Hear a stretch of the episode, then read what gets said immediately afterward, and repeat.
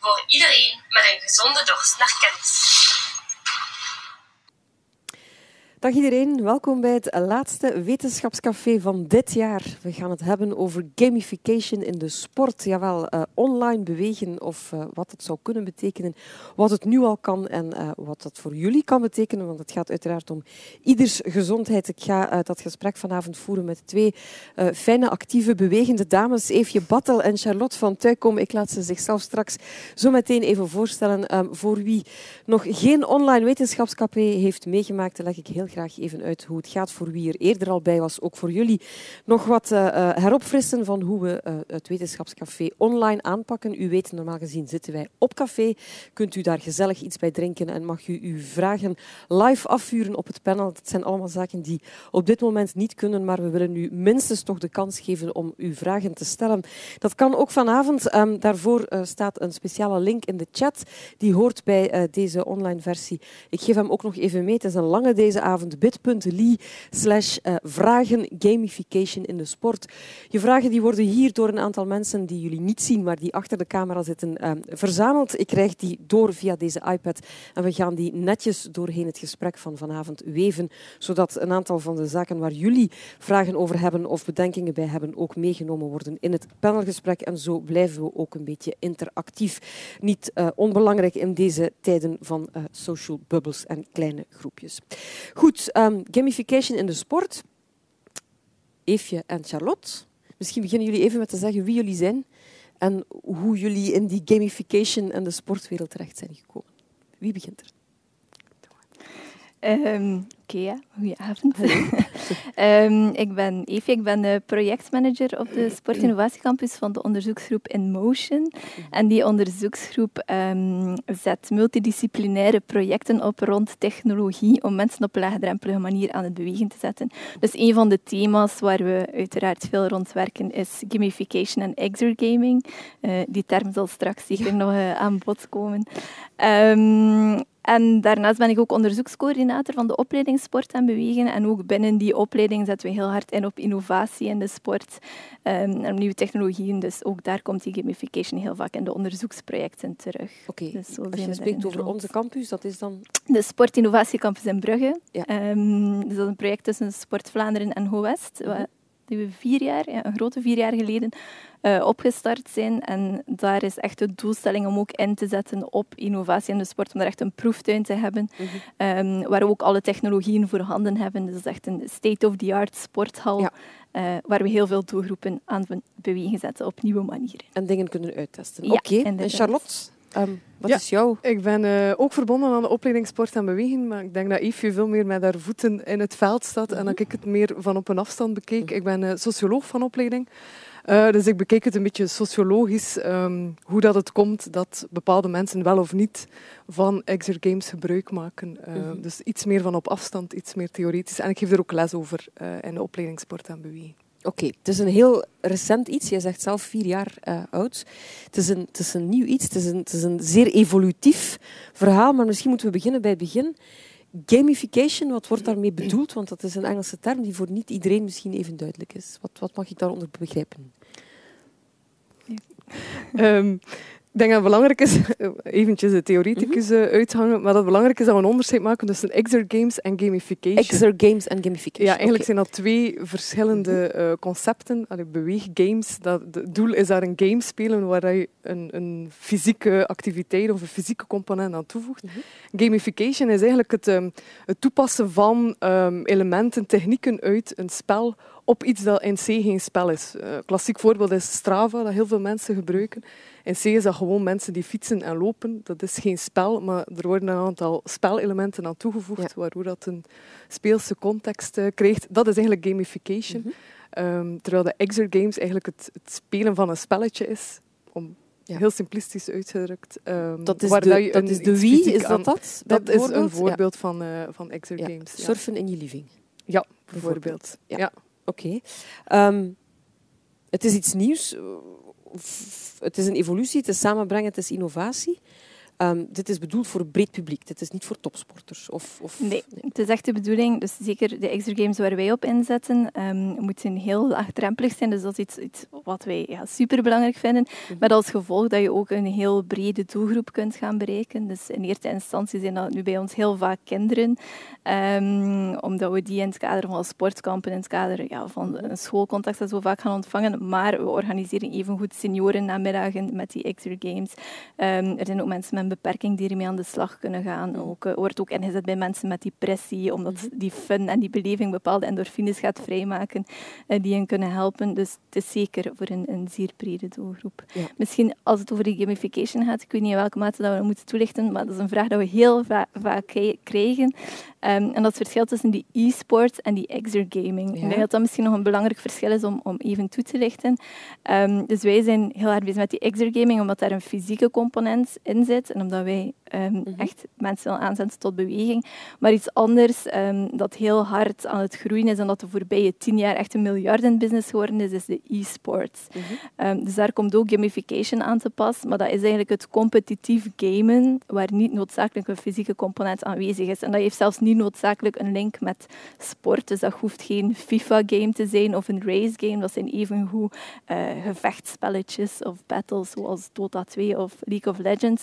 Maar, waar je het opneemt tegen een Waar ander. je het als team of als individu opneemt tegen elkaar. Uh, waar Hanse arenas gevuld worden uh, met supporters en fans die die teams gaan toejuichen. Waar ook heel veel ja, geld aan te pas komt, omdat daar heel veel sponsors en dergelijke ja gekoppeld worden. Maar dat is dus niet waar wij momenteel mee bezig zijn. het gaat echt over het zelf, zelf een stuk bewegen en daar dan technologie aan toevoegen. Ja, Oké.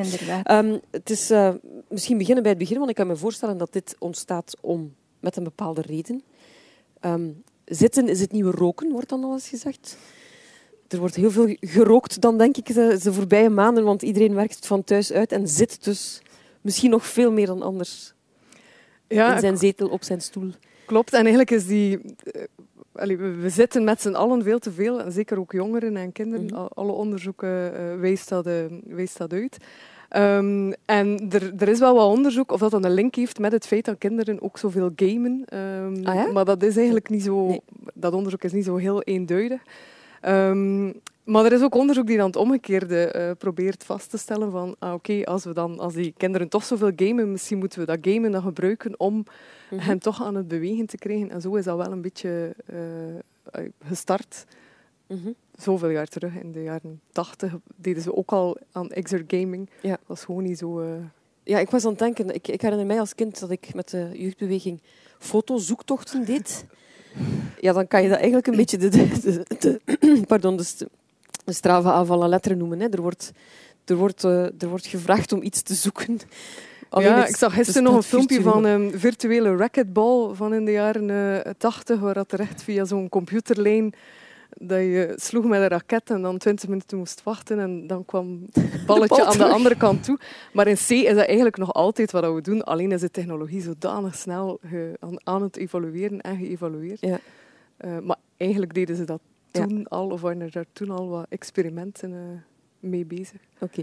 Het, kan, het kan eh, ter afsluiting van de intro misschien ook bij veel mensen raar overkomen. Hè? Als je denkt aan sport en bewegen, um, dan, dan, dan wil je dat vaak met zo weinig mogelijk tools moeten kunnen doen als, als een game dan eigenlijk eerst de opstap is. Wat, wat, is. wat is daar prioritair in het, het game of de beweging? Het feit dat mensen ja, zich gaan inspannen om, om ja, voor ons uiteraard beide. Um, de, de technologieën, of ja, het lijkt raar, je hebt bepaalde attributen of je hebt bepaalde mhm. technologieën nodig, maar daar zit, er, zit ook ja, heel veel variatie in. Ik denk dat we straks nog een aantal voorbeelden kunnen geven, maar je hebt um, de zeer uh, laagdrempelige exergames die gebruik maken van technologieën die je in je living bij wijze van spreken al kunt aansluiten, waardoor het super toegankelijk wordt en super laagdrempelig. Mhm. Dan heb je anderzijds zeer geavanceerde technologieën die je enkel in bepaalde centra uh, kunt gaan krijgen. Dus dat is dan al ja, een stapje verder, is alweer iets minder um, laagdrempelig. Maar sowieso is die beweegcomponent daar zeer belangrijk in. En hoe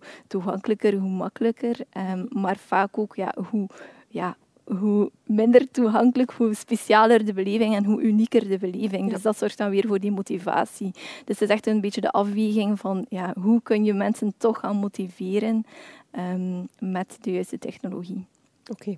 Als we het even hebben over de extra game zelf dan, misschien daar eventjes mee beginnen. Um, um, je zegt zelf, het is iets wat heel snel gaat. Um, hoe, hoe breed is dat al ingeburgerd? Want je, je spreekt over heel specifieke doelgroepen. Uh, uh, bepaalde senioren, bepaalde mensen met een beperking, mensen die in een revalidatieproces zitten, kinderen. Dat ja. lijken mij allemaal heel aparte zaken die ook allemaal hun eigen benadering vergen. Ik kan me niet voorstellen dat een een, een soort overall spel voor elke groep geldt? Of, of hoe, hoe gaat dat? Hoe fijnmazig? Hoe beginnen jullie daaraan? Um, Hoe komt zo'n spel tot stand? Ja, dus meestal wordt een spel wel ontwikkeld. Dus binnen GoWest uh, ontwikkelen we heel veel prototypes van games, omdat we er, ja, we hebben het geluk dat we kunnen samenwerken met technische opleidingen en dat we dat dan kunnen uittesten met onze meer mensgerichte en sportopleidingen bij heel wat doelgroepen. Meestal wordt een spel wel ontwikkeld met een bepaalde doelgroep in het achterhoofd. Um, bijvoorbeeld, ik ga meteen een voorbeeld geven. We hebben een interactieve klimgame uh, in onze sportinnovatiecampus. Dat is een, een game waarbij er op een klimwand uh, verschillende bollen geprojecteerd worden. En dan moet je dus op die klimwand gaan klimmen en die bollen zo snel mogelijk gaan aantikken. Elke mhm. keer als je een bol aantikt, verschijnt er een nieuwe. Um, en je wordt dus geregistreerd door een camerasysteem. Dus dat is echt ontwikkeld met kinderen in het achterhoofd. Maar ja, op een gegeven moment stonden wij daar met een groep senioren in de zaal. Dachten we, ja, oké, okay, misschien moeten die ook de klimgame kunnen spelen. Maar je hangt een 70-jarige natuurlijk niet meteen aan een klimmuur. Nee, um, dus um, ja, op dat moment heb ik ook wel gemerkt, heel veel hangt gewoon af van de instructies. Um, we hebben, allee, en daar zijn onze studenten sport en beweging daar heel goed in natuurlijk, om die instructies zodanig aan te passen, uh, zodat ook een senior dat spel kan gaan spelen. En toen is dat opgelost door die gewoon met een grote bal naar die muur te laten gooien, of zelfs gewoon aan te tikken, zodat ja. ze naartoe konden en die bollen laten aantikken. En haalden die daar evenveel fun en beleving uit. Mm -hmm. Nu, anderzijds is het ook zo dat heel veel van de games die ontwikkeld worden, iets wat, wat we super belangrijk vinden, dat we ook altijd meegeven um, bij de start van dat ontwikkelproces, is dat um, die levels of die moeilijkheidsgraad op ja, een heel makkelijke manier moet kunnen aangepast worden. Mhm. Als iets te moeilijk is, wordt het heel frustrerend. Als iets te makkelijk is, wordt het saai. En op die manier kun je dat ook voor die heel verschillende doelgroepen um, ja, op een heel makkelijke manier gaan aanpassen. Ja.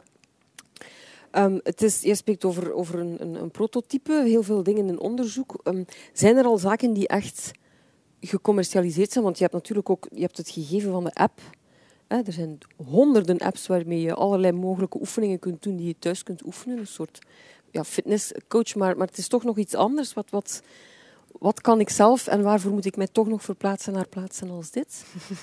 ik denk ja. dat Evie het eigenlijk beter okay. kan zeggen, maar ik wil ja, zeker al de, of de aanzetten geven. Um, Bijvoorbeeld, um, er is een roeispel, um, uh, eigenlijk het prototype ervan, mm -hmm. ontwikkeld bij, bij Eefje. Mm -hmm. En dan merk je nu wel heel hard dat, dat die wel heel zoekend zijn naar waar vinden we dan financiering om dat ja. te gaan commercialiseren. Want dat, dat is eigenlijk, allee, het is niet het moeilijkste, het ontwikkelproces is het moeilijkste, maar -hmm. om, omdat dat net voor zo'n specifieke doelgroep roeiers, ja, dat is niet voor de Vlaming, nee. allee, of dat kan in maar het is wel een oefening die in een fitnessclub vaak gebeurt, ja. bijvoorbeeld. En dan merk je nu wel dat, er, um, allee, dat ze heel wat verschillende financieringsbronnen gevonden mm -hmm. hebben en dat dat nu pas aan het rollen gaat. Maar vaak start het wel bij een heel klein prototype en soms hangt het ook een beetje van geluk af, denk ik. Welke, want wij hebben eigenlijk soms heel leuke spelletjes dat, dat ik denk, wauw, dat, dat heeft heel veel potentieel, mm -hmm. die dan niet doorontwikkeld worden omdat die studenten dan misschien niet mee verder... Uh, wel, ja. um, ik denk dat je nog heel wat andere voorbeelden uh, ook Ja, nee, geven, het is maar... zeker zo. En er zijn ook een aantal um, commerciële games reeds beschikbaar. Hè, dus van grote bedrijven die er wel in geïnvesteerd zijn, maar heel vaak, eigenlijk bijna allemaal, denk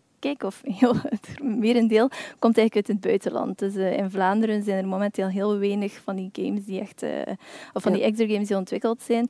Nu, je hebt wel um, LU, dat is bijvoorbeeld een Canadees bedrijf, uh, die hebben een interactieve wand, maar je ziet, die hun afzetmarkt is zeker niet beperkt tot de sportwereld. Mm -hmm. um, en daar ja, wringt ook wel het schoentje de middelen in de sportwereld, of toch in de recreatieve sportwereld, waar die extra games heel vaak in, ge in gebruikt worden, zijn ook vrij beperkt. Um, waardoor die afzetmarkten dan vaak in bijvoorbeeld grote winkelcentra worden gezocht of in uh, ja, fitnesscentra, mm -hmm. waar ze ook die, die beleving kunnen gaan toevoegen, uh, in scholen. En, en, dus ze maken eigenlijk een heel ja, breed product. Um, dat in die verschillende sectoren kan ingezet worden. Maar ik zeg, de, de commerciële producten, ik denk dat je ze op, niet op één hand, maar op twee handen kunt tellen, ja. uh, die, die echt succesvol zijn. Behalve dus, als je dan zo de Wii en de... Ja. En ja. dat soort commerciële... Uh, maar dat is net iets minder immersief of uh, ja. iets minder Maar beleving. daar wil ik zeggen, wat is het verschil tussen wat jullie dan ontwikkelen en waar jullie mee bezig zijn en pakweg een Wii of, of een Playstation, waar ook games te koop zijn waar je dan je kunt gaan tennissen als je wil. Hè? Ja. ja. klopt. En eigenlijk gebruiken wij, of gebruikt Eefje en de collega's heel vaak die technologie die door een Wii en Xbox en, en worden er nieuwe uh, spelconcepten bedacht met de technologie die Ja. daarvoor uh, uh, gebruikt wordt. Ja. Maar ehm, ja, gelijkaardig eigenlijk aan het tennissen of het Mhm. bowlen of het, wat dat er allemaal kan. Ja. Maar dan toegepast op specifieke doelgroepen of, of net nog een leuker spel of een variatie erop. Of, Ja, ik denk dat het grootste verschil inderdaad ook in die, in die beleving schuilt. Omdat wij werken met dus die Wii en, en die Xbox, die, die, die zijn al vrij goed ingeburgerd. Ik, zeg, ik spreek niet over senioren. Als je een, een, een, een ja, 65-plusser of 70-plusser met een Xbox uh, Kinect laat spelen of met een Wii, zijn die nog altijd overdonderd door wat, wat er gebeurt, mogelijk, ja. ja, wat er mogelijk is. Uh, maar kinderen ja, die zijn zodanig vertrouwd met die technologie dat die dat ook niet meer zo verrassend of vernieuwend vinden. Terwijl als je dan kijkt naar die andere extra-games, waar we heel vaak met projecties, grote pro immersieve projecties, immersief daarmee bedoel dat je echt ondergedompeld wordt in de beleving, Mhm. of met virtual reality, Mhm. um, waarbij ze een headset op hun hoofd krijgen, dat ze in een hele virtuele wereld worden onder, ondergedompeld. Als je met die technologie gaat werken, dus voor die zaken Mhm. gaan we heel vaak prototypes gaan ontwikkelen, dan zit je toch een stapje verder um, ja, in die belevingswereld. Het is wel iets wat, wat verwacht wordt door de Hè. Misschien zijn jullie daar ook een stuk aan op het anticiperen, maar als, als er de dag van vandaag iets aanslaat, heeft het vaak met de beleving van het verhaal te maken. Um, daar zit natuurlijk een heel groot tempo op, want wat nu leuk is, is overmorgen weer saai, want dan heb je het al drie keer gedaan en is de beleving en de fun er ook vanaf. Um, is het in eerste instantie gericht op, op jongeren, om, om te zorgen dat zij ook op een andere manier naar bewegen en sport kijken? Of, of wat is jullie hoofddoelgroep als jullie dingen gaan ontwikkelen? Ja, ik denk dat bij ons heel vaak kinderen zijn. Ja. Maar soms is het ook een beetje pragmatisch. Het is ook een, een, een, groep die heel snel enthousiast is om iets te komen uittesten. Die, die, heel die vinden alles leuk. Ja, die vinden alles leuk. Die, die hebben ook zin om, om dingen uit te testen. Uh, die zijn makkelijk bereikbaar. Het is, mm -hmm. het is moeilijker om een 18-jarige uh, dingen te laten, uh, laten testen. Dus vaak begint het wel bij, mm -hmm. bij kinderen. Maar zoals dat Eefje daarnet al zei, dat vindt dan vaak toch wel ook zijn weg naar andere ja. doelgroepen. Um, want allee, het spelen is van alle leeftijden. Ieder, ook, ook senioren spelen ja. nog graag. Dus, uh... ja. Het spel. Um, het, het, het, heeft een aantal voordelen, kan ik me voorstellen. Want als het over voorstanders van video of mensen die gamen, die zeggen vaak ook van het is niet allemaal kommer en kwel. Je hebt de grote tegenstanders, maar er zijn ook mensen die... Het is ook aangetoond dat, dat gamen ook toch een aantal cognitieve processen in gang zet. Zorgt dat mensen op bepaalde manieren leren kijken naar problemen, dingen oplossen. Um, Zit dat daar ook in bij jullie of gaat het puur om de, de uitdaging, het competitieve, de beweging, de uithouding? Um. Nee, dat zit er zeker ook in. Dus, allee, zo de psychosociale voordelen die we inderdaad zien bij het uh, klassieke videogamen, die, allee, daar is uit onderzoek al gebleken dat die effectief ook kunnen doorgetrokken worden naar exergaming. Um, dus exergames hebben diezelfde effecten. Dat gaat dan inderdaad over het trainen van je reactiesnelheid, je... Um, ja, uw vermogen om complexe situaties te doorzien. Um, dus dat kunnen daar zeker ook mee trainen met die exergames. Maar daarbovenop heb je natuurlijk ook bepaalde motorische vaardigheden die je kunt gaan trainen. Dus uw oog-handcoördinatie um, is vaak uh, heel belangrijk, maar ook de coördinatie tussen uw armen en uw benen. Er zijn heel veel games waarbij je redelijk complexe bewegingen moet gaan uitvoeren. Um, dus dat wordt er zeker ook getraind. Um, die games worden ook, allee, bijvoorbeeld die virtual reality mm -hmm. games, worden ook gezien als een manier om nieuwe sporten te ontdekken. Bijvoorbeeld zaken die je anders in het echte leven niet zou kunnen uitproberen, of waar je misschien wat weigerachtig tegenover zou staan. Bungee jumpen. Bungee jumpen, parachute springen of zelfs boksen, wat ja. je met iets minder risico kan gaan uittesten in een virtuele wereld ja. dan in een, een echte wereld. Is zeker ook niet zonder risico, want het zou niet de eerste zijn die, die op zijn neus valt, ja. omdat hij zodanig in de in die virtuele wereld wordt ondergedompeld. Maar ja, dat zijn zeker zaken um, waar die exergames kunnen aan bijdragen. Ook het feit dat bepaalde kinderen, um, dat is ook iets, iets dat blijkt, dat bepaalde kinderen die zich minder aangesproken worden door het traditionele of, ja, aansproken voelen door dat traditionele sportaanbod, of daar misschien weinig zelfvertrouwen door krijgen in de RO-les bijvoorbeeld, als ze dan met die technologie aan de slag kunnen gaan en ze bleken daar wel goed in te zijn en ze zien hun naam wel hoog in die ranking staan, ze hebben daar een goede score in, dat dat ook kan bijdragen aan hun zelfvertrouwen. Ehm, dus die zaken zijn zeker, uh, kunnen zeker positief zijn. Langs de andere kant denk ik dan, sport is vaak een groepsactiviteit. Zelfs als het om een individueel iets gaat, heb je wel nog altijd een community waarover je praat. Dit lijkt mij dan een beetje, zoals je het nu omschrijft, toch een, terug ook een stuk individualisering van het hele verhaal en het proces. Ja, ik denk dat we daar nog de grootste stappen kunnen zetten in de toekomst. Mhm. Heel vaak zijn die exer games en ja, single player, twee misschien, ehm, maar echt een grote groep. Um, het samen doen um, kan wel virtueel. Dat elk mm -hmm. vanuit zijn eigen uh, huiskamer uh, virtueel op beeld uh, zit. Een beetje gelijk dat de Zwift ook doet. Iedereen ja. op zijn eigen rollen. Maar je zit wel virtueel in een, in een, ja, in een soort community. Dat blijkt ook te werken, want niet iedereen... Allee, ik heb zelf nood aan mensen als ik sport, mm -hmm. maar eigenlijk heeft niet iedereen dat. Nee. Um, en, en je merkt dat zeker in mensen die graag videospelletjes spelen, dat die vaak ook uh, allee, dat die wel wel opgenomen worden in een groep, maar dat dat gerust virtueel mag. Dat ja, dat niet dat hoeft fysieke, fysieke contact, te contact, te zijn. En ja, daar heb je dan wel weer een markt voor. Maar uh, ja, voor klassieke sporters zit vaak dat, die sociale component ontbreekt nog nu ja. in, heel wat exer games. Waardoor dat je het één keer doet, twee keer, maar dat je het niet op lange termijn doet, omdat je het niet met vrienden uh, samen doet. En het, uh, Waar ligt voor jullie de grens tussen mensen in beweging krijgen en het effectieve sporten? Want dat is mij nog niet helemaal duidelijk. Is het, is het sport of is het echt een manier van mensen uit hun zetel en hun stoel te halen? Of misschien bepaalde ja, dat is vaak een beetje een semantische discussie natuurlijk. Wat, versta je, ja, wat versta je onder sport? Um, nu, we merken... Allee, we hebben daar ook onderzoek naar gedaan, omdat wij hebben in opdracht van Sport Vlaanderen een onderzoek gedaan binnen hun VR Sportscube. Dat was echt een sportscube waar ze mensen wilden laten kennismaken met virtual reality. Um, daar hebben we alle bezoekers ook bevraagd en daar hebben we onderzoek naar gedaan. Wat ervaren mensen nu zelf, of welke spel, spelen ervaren mensen nu zelf als sport? Mm -hmm. um, en daar bleek toch wel dat er een link moet zijn met een traditionele sport, om dat ah. echt als sport te gaan ervaren. Dus bijvoorbeeld een VR-boxgame wordt echt als sport ervaren, als het voldoende intensief is, mm -hmm. uiteraard. Dus als die moeilijkheidsgraad voldoende hoog ligt. Maar je hebt bijvoorbeeld andere games in virtual reality, zoals Beat Saber. Dat is een spel waarbij je uh, met laserzwaarden blokken door midden moet gaan slaan. heeft op zich niets met het traditioneel sportaanbod te maken.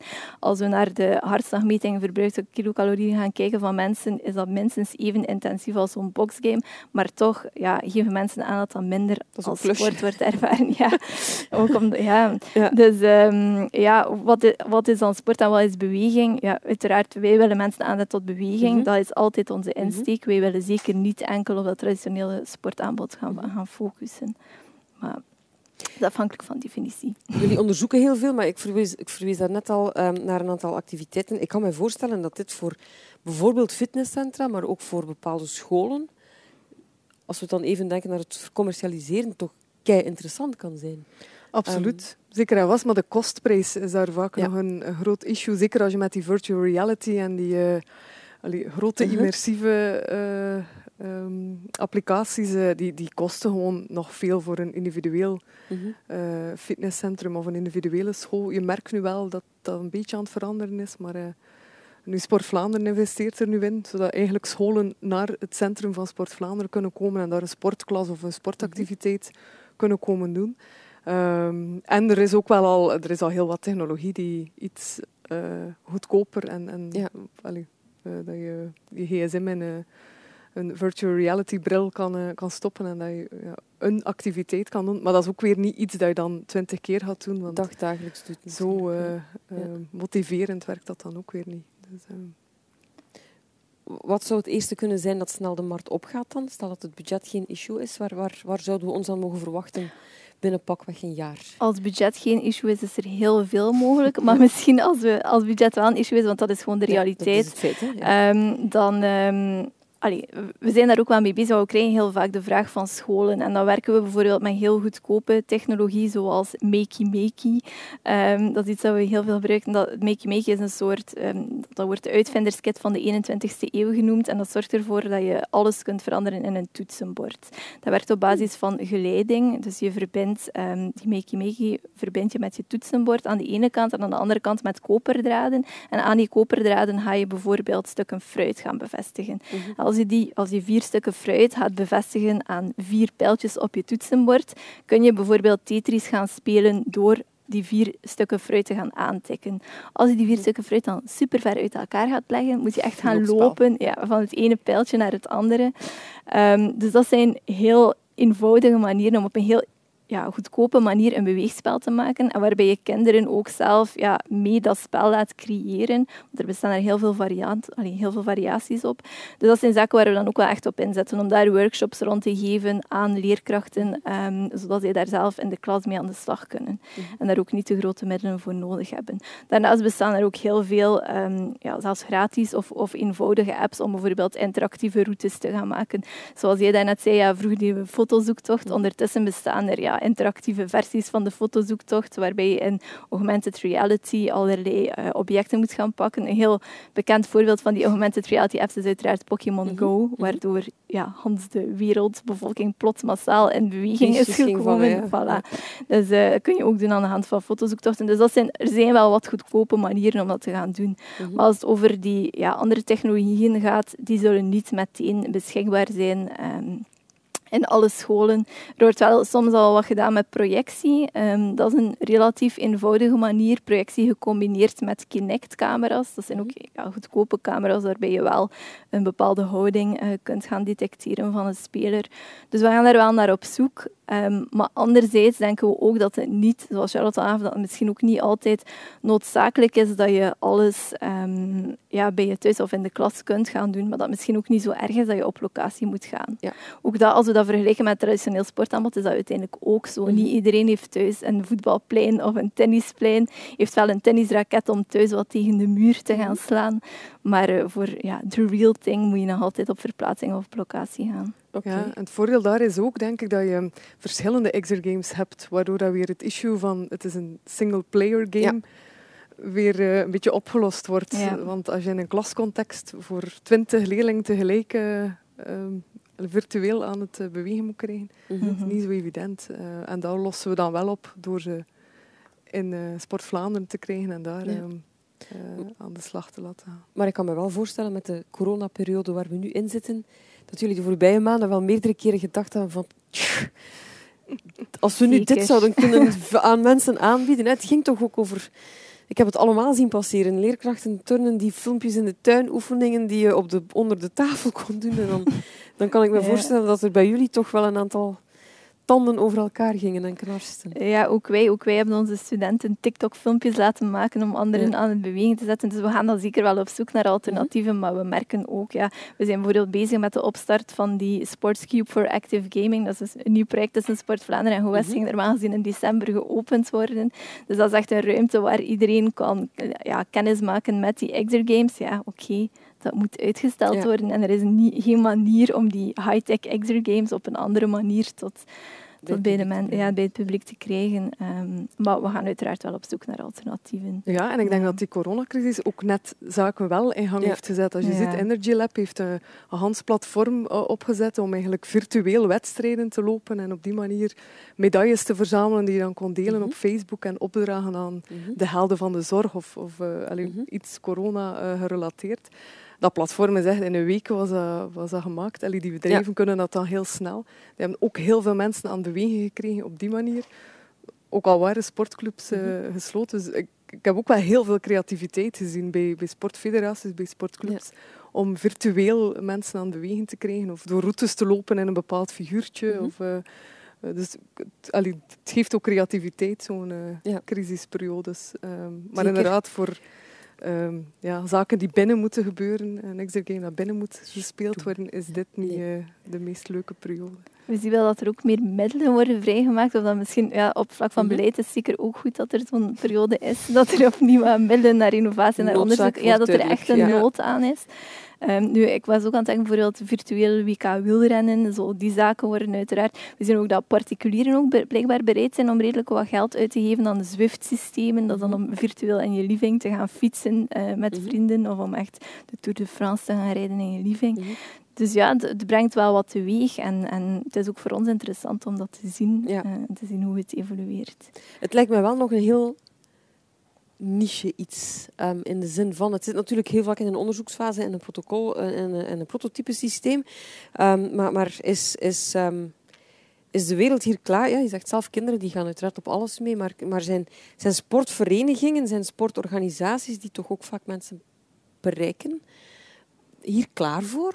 Want het vergt wel ook een andere manier van kijken naar wat bewegen kan zijn. Ik kan me ook voorstellen in rust- en verzorgingstehuizen bijvoorbeeld. Het is een tool, maar het is tegelijkertijd ook een andere manier van denken en werken. Ja, zeker. En ik denk, het hangt eigenlijk zelfs niet echt mijn leeftijd eh, eh, vast. Ik eh, denk ook Sport is zo de, de Mhm, sportfederatie voor eh, de 50-plussers, 50-plussers, denk ik. ja. ik weet niet de hoe dat het, medioren eh, heten die dan? Ja, ehm, maar die zijn wel heel hard met innovatie bezig. ehm, Ja. Dus het heeft niet altijd met, met leeftijd te zien. Ehm, dus ik denk wel dat er openheid is. Maar natuurlijk, dat, het- en dat hoeft ook helemaal niet. Mag het klassieke Mhm. eh, ehm, clubgerelateerde aanbod hoeft dat niet te vervangen. Maar misschien kan het wel Ja. ingezet worden om, om bepaalde trainingen op een leukere manier eh, ja, te doen dan, Ja. dan vroeger. Dus het kan- eh, voor mij is het echt aanvullend. Het is niet of-of. Mhm. En meer nog, misschien kan het net dat deel dat niet aangesproken wordt door het klassieke sportbeleid of door het klassieke sportaanbod, kan misschien net wel op die manier eh, bereikt worden. Maar het klopt, het is een zeer recent, vooral onderzoeksdomein. Er is eigenlijk heel, ja, heel veel van wat we weten over eh, het, het, Mhm. ja, het spelletje spelen achter de computer. Zeggen we, ja, dat werkt dan ook voor exergames, maar zoveel onderzoek, eh, of eenduidig onderzoek. Alle artikels dat we recent erover gelezen hebben, zeggen allemaal ja, meer onderzoek op, eh, Ja, op lange nodig, termijn is ja. nodig. Ehm, dus het is inderdaad wel een recent onderzoeksdomein. maar, Ja. Waar staan wij, hè, want jullie zijn er nogal mee bezig in Vlaanderen dan, dus het valt onder de Vlaamse regering of, of Vlaamse Mhm. gemeenschap. Ehm, waar staan wij ten opzichte van Europa of de rest van de wereld? Waar, waar, zijn, waar zitten de leaders in dit verhaal? Ehm, de leaders zitten ehm, in Finland en Canada, dus in die landen zijn ze daar heel hard eh, mee bezig. Eh, ook omdat ze daar heel goed zijn in game development. En dat is nu iets waar wij toevallig in Vlaanderen ook heel goed in zijn. Ja, ik wou net zeggen, Ja. ook die hele hub in Ja. Noord-Frankrijk en Zuidwest-Vlaanderen. Ja, eh, zeker. En dan in Kortrijk Ja. hebben we Digital Arts and. Entertainment, dus de opleiding van GOES, die ja, wel wereldbekend is ondertussen. Mhm. Ehm, dus ja, we hebben het geluk, en het is ook door hen dat we echt daar snelheid hebben kunnen in maken, dat we zoveel, ja, zo'n groot aantal prototypes hebben kunnen ehm, ja, creëren van dergelijk niveau.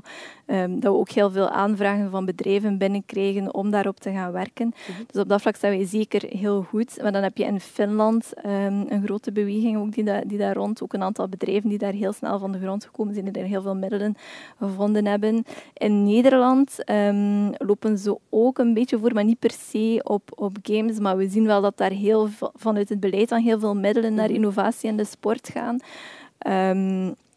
Maar allee, op technologisch vlak zitten ze daar wel op hetzelfde niveau Ja. als wij, denk ik.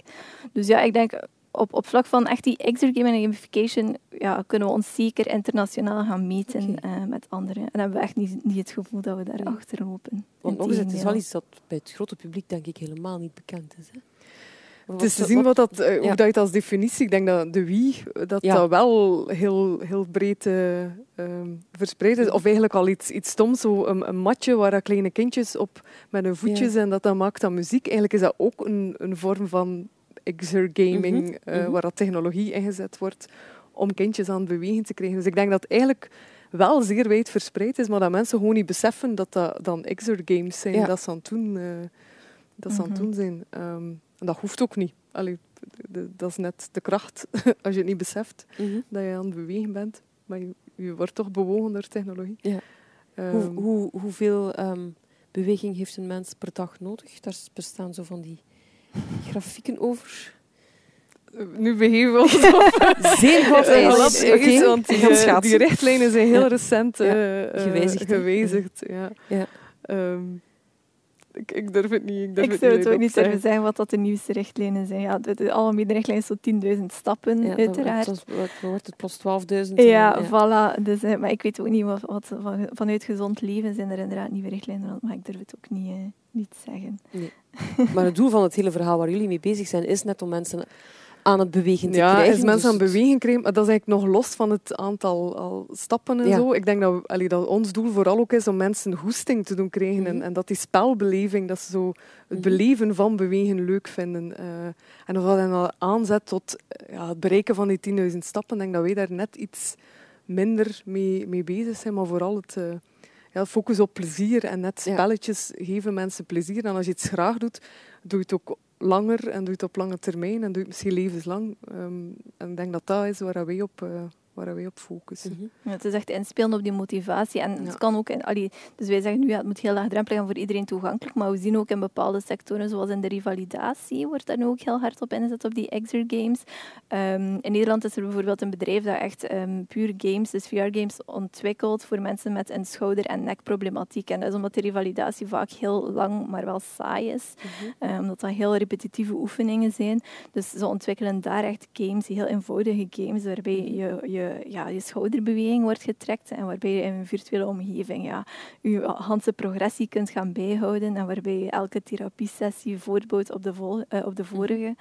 Ehm, dus ook dat speelt weer in op die motivatie. En dat zijn diezelfde principes die wij ook gaan, gaan inzetten Ja. om mensen aan het bewegen te krijgen. Los van de beleving waar jullie het vaak over hebben, wat zijn de voordelen van exer games ten opzichte van een klassieke reeks sit-ups of eh, ehm, eh, een loopparcours afmalen ehm, drie keer per week? Waar, waar, waar zit volgens jullie nog een toegevoegde waarde die je bij het klassieke sporten, om ze dan toch maar eens tegenover elkaar te zetten, niet hebt? Nu, sowieso de grootste toegevoegde waarde is dat veel meer aansluit bij de leefwereld van Eh, ja, vooral de jongeren dan tegenwoordig. Dus dat, dat, ja, we merken gewoon, als je een kind een tablet in zijn handen steekt, ja, die wordt al onmiddellijk Ja. enthousiast. Ehm, bepaalde kinderen worden ook enthousiast van een voetbalbal, hè, maar niet iedereen. Minder Maar, ja, ja. voilà, niet iedereen. Dus dat is sowieso het grootste eh, voordeel. Daarnaast, ik weet niet of Charlotte daar nog zaken kan aanvullen. Die, eh, Ja, ik, ik denk dat ook, eh, vaak geeft het ook een directe feedback. Waar je, als je, allee, dan misschien minder die heel grote immersieve eh exer games, maar zo wat kleinere dingen als een eh, Strava-achtige ehm, applicaties geven ook heel snel persoonlijke feedback. En, en mensen hebben graag feedback op het juiste Ja. moment. Ehm, dus je hoeft niet te wachten totdat je trainer zegt dat je goed bezig bent. Eigenlijk kan je het al zelf snel Mhm. eh, zien. Je krijgt badges van Fitbit als je zoveel stappen gezet hebt. Dus Mhm. je wordt eh, constant bevestigd dat je ja. goed bezig bent. Je hebt zelf wat, wat keuzevrijheid en wat je wel en niet eh, doet. Ehm, en vaak ook die, die sociale component, ook al is dat dan virtueel, werkt ook heel, heel, heel motiverend. Het feit dat je op, op Strava lid bent van ja, de, de Strava Club of dat je op Zwift fietst eh, Mhm. samen met anderen, ook al zit je alleen in je living eh, of in je zolderkamer. eh, dat zijn allemaal dingen die, die, die helpen om, om ja, mensen te motiveren om het te blijven doen. Het kan ook een tool zijn om, om, om ehm, gezondheid als such te promoten natuurlijk. Hè. Het is misschien niet meteen het, de link die je legt tussen gezondheid en games, maar het kan wel een manier zijn om, om te, mensen aan te zetten, onbewust misschien zelfs, of, of onrechtstreeks, tot een gezondere manier van leven. Ja, en eigenlijk zitten we daar nog in een andere vorm van games. En dat noemen ze dan serious games. Dat is echt zo het inzetten van games om iets anders eh, te Ja. bereiken, zoals bijvoorbeeld eh, gezondheid, maar ook brandveiligheid. Of, allee, dat hoeft niet in, in het domein van gezondheid te zijn, maar je kan de eigenlijk... link niet.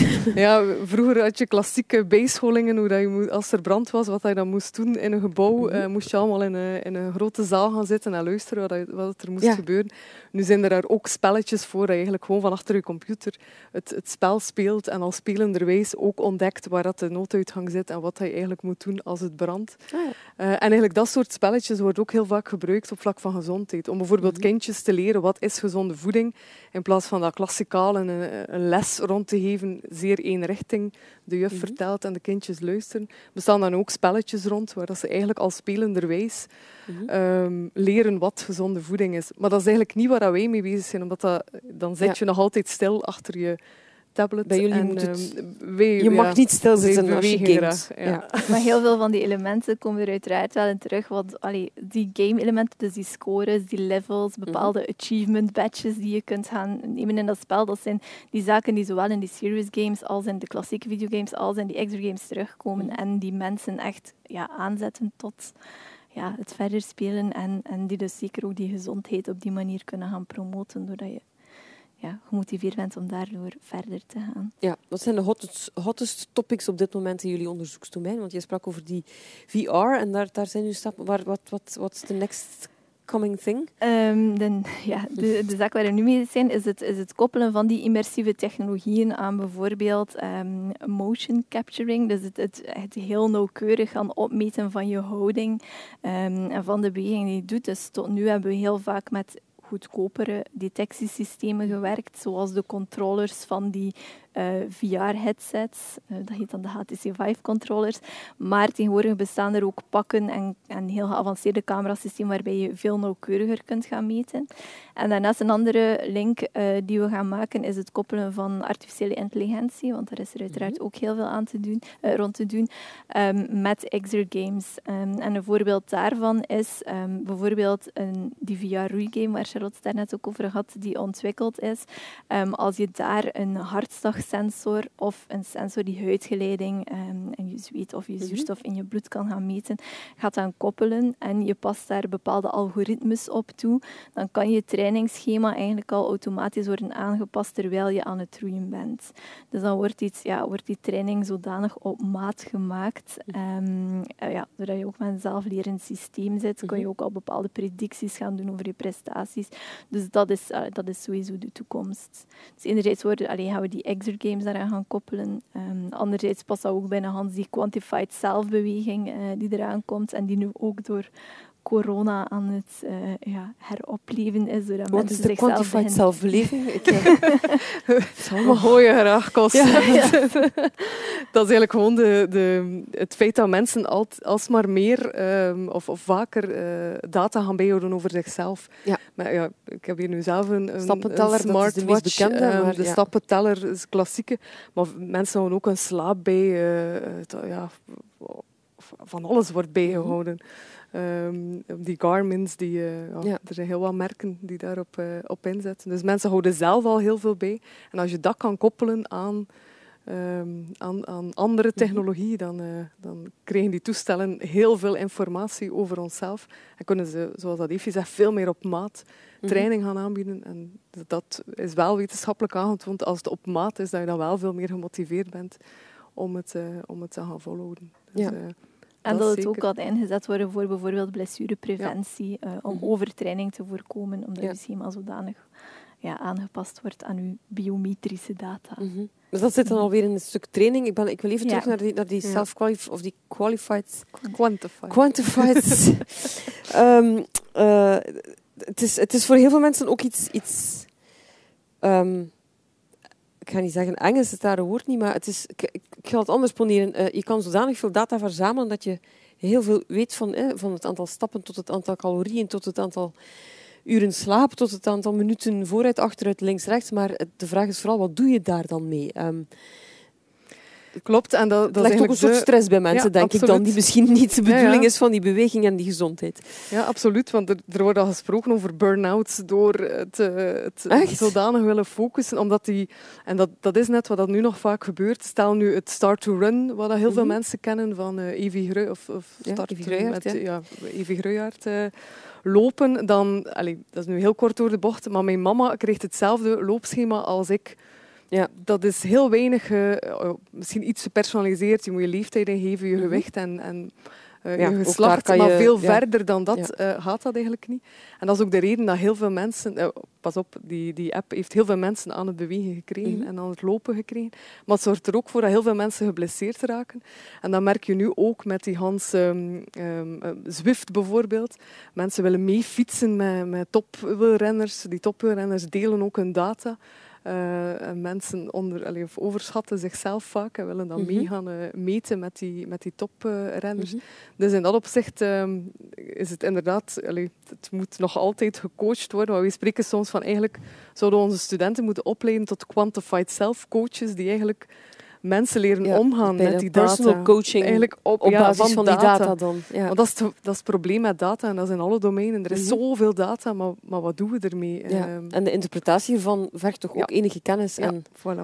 en studie. Ja, en gaat verder dan gemiddeldes. Want ik zie hier ook, ja, ik heb nu ten opzichte van het gemiddelde zoveel stappen gezet. Maar wie dat gemiddelde dan Maar wie is vormt, dan dat gemiddelde? En, en, ja, moet ik me wel meten met, met een gemiddelde mm -hmm. of moet ik me met anderen doe. Zeker mensen met bepaalde problemen mm -hmm. of uh, bepaalde blessures of, of kwetsuren. Ja.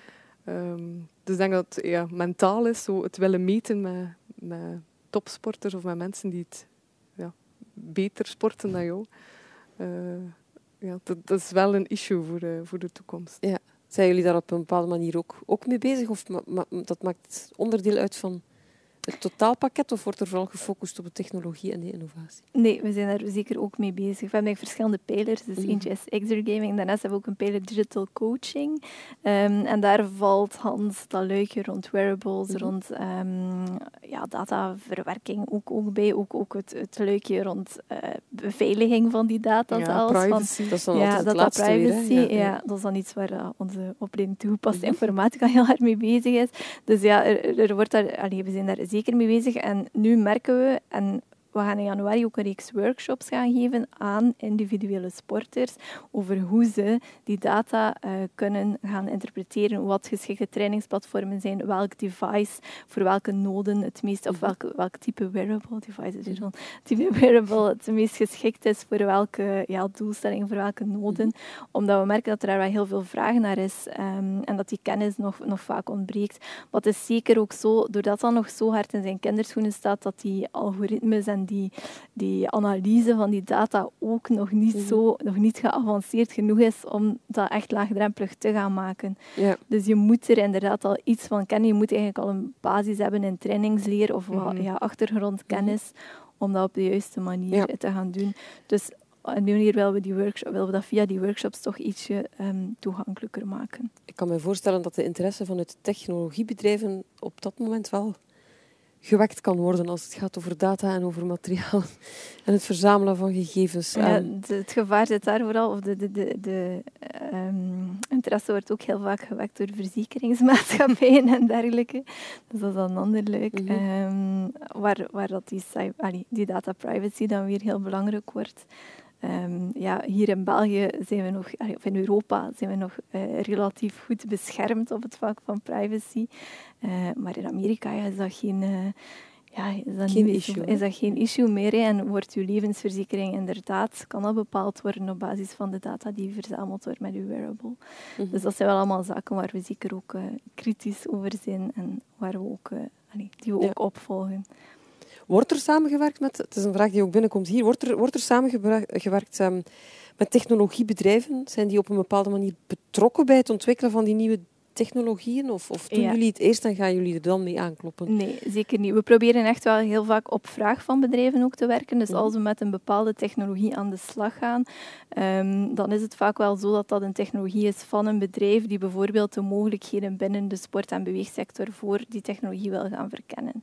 Dus we hebben bijvoorbeeld, ehm, ja, we, zitten in heel wat projecten met bedrijven. We hebben bijvoorbeeld met Barco een interactieve ledvloer eh, ontwikkeld. Dus dan is dat echt een ledvloer van Barco. Ehm, die wil gaan kijken van hoe kunnen, we dat, hoe kunnen we die interactief gaan maken. Daar was dan ook een bedrijf bij betrokken dat eh, druksensoren maakt. Dus dan Mhm. keken we ja, hoe kunnen we dan die drukgevoelige daarop leggen. Ehm, met een sportvloerfabrikant die daar dan de sport- en toplegging gaan opleggen. Dus we, we betrekken die bedrijven echt wel bij onze projecten. En we vinden dat ook super belangrijk. Een project heeft ook veel meer kans om gecommercialiseerd of gevaloriseerd te worden als die bedrijven al van in de beginfase betrokken zijn. Mhm. En het is ook een manier om onze studenten te laten werken met die technologieën, want ook wij hebben niet altijd de middelen om die dure technologieën aan te kopen. Maar als we dat in partnership met die bedrijven kunnen doen, lukt dat vaak wel. Iemand die bij jullie afstudeert, waar komt die terecht? In een Hanse waaier van, eh, Ja? van sectoren. Ja, die komt in preventief en ehm, ehm, eh, gezondheidszorg of zo postrevalidatie. Dus eh, zo naast een kine Mhm. of opvolging nadat mensen allee, van een kine komen bijvoorbeeld. Maar die komen evenzeer ook in de, in de sport en in de evenementensector. Mhm. Komen die ook terecht in de bedrijfscoaching ook meer en meer. Ook in, in bedrijven wordt er meer en meer met wearables en Mhm. met data aan de slag gegaan. En, ehm, met bedrijfscoaches of, Ja. of beweegcoaches. eh, daar komen die ook wel, eh, wel terecht. Dus een, een Hanse Waaier, sportclubs, sportfederaties eh, Ja. komen die ook terecht. Oké. Personal training, Ehm, fitnesscentra. Fitnesscentra. Ik was nog eventjes Oké. door. Uiteraard. Even terug naar de vraag die je daarnet stelde. Hè, van, wat, zijn de, de- wat is de next big thing? We hadden het over, over een aantal zaken. Maar ehm, het is iets wat... vier jaar, dacht ik, in het begin van het gesprek, zeiden we, zijn, jullie daarmee bezig. Er moet nog heel veel onderzoek gebeuren om, om dingen te kunnen verankeren en, en, en te kunnen verdiepen. Maar als je nu eens... ehm, ja, science, science fiction mag ik het niet noemen, want het gebeurt terwijl we ermee bezig zijn. Hè, maar pakweg bin- binnen twintig jaar, hoe kan wat jullie nu aan het onderzoeken zijn, de sport- en bewegingswereld op zijn kop zetten? Of denk je dat het zo'n Ja, ik, de- gaan? ik denk, we denken heel snel in technologische antwoorden. Maar ik denk dat we nog heel veel kunnen, eh, of dat er onderzoeksmatig nog heel veel kan gebeuren op hoe kan je nu mensen op lange termijn eh, gedrag laten veranderen. Want Ja. we hebben al Pokémon Go, iedereen kent dat ook.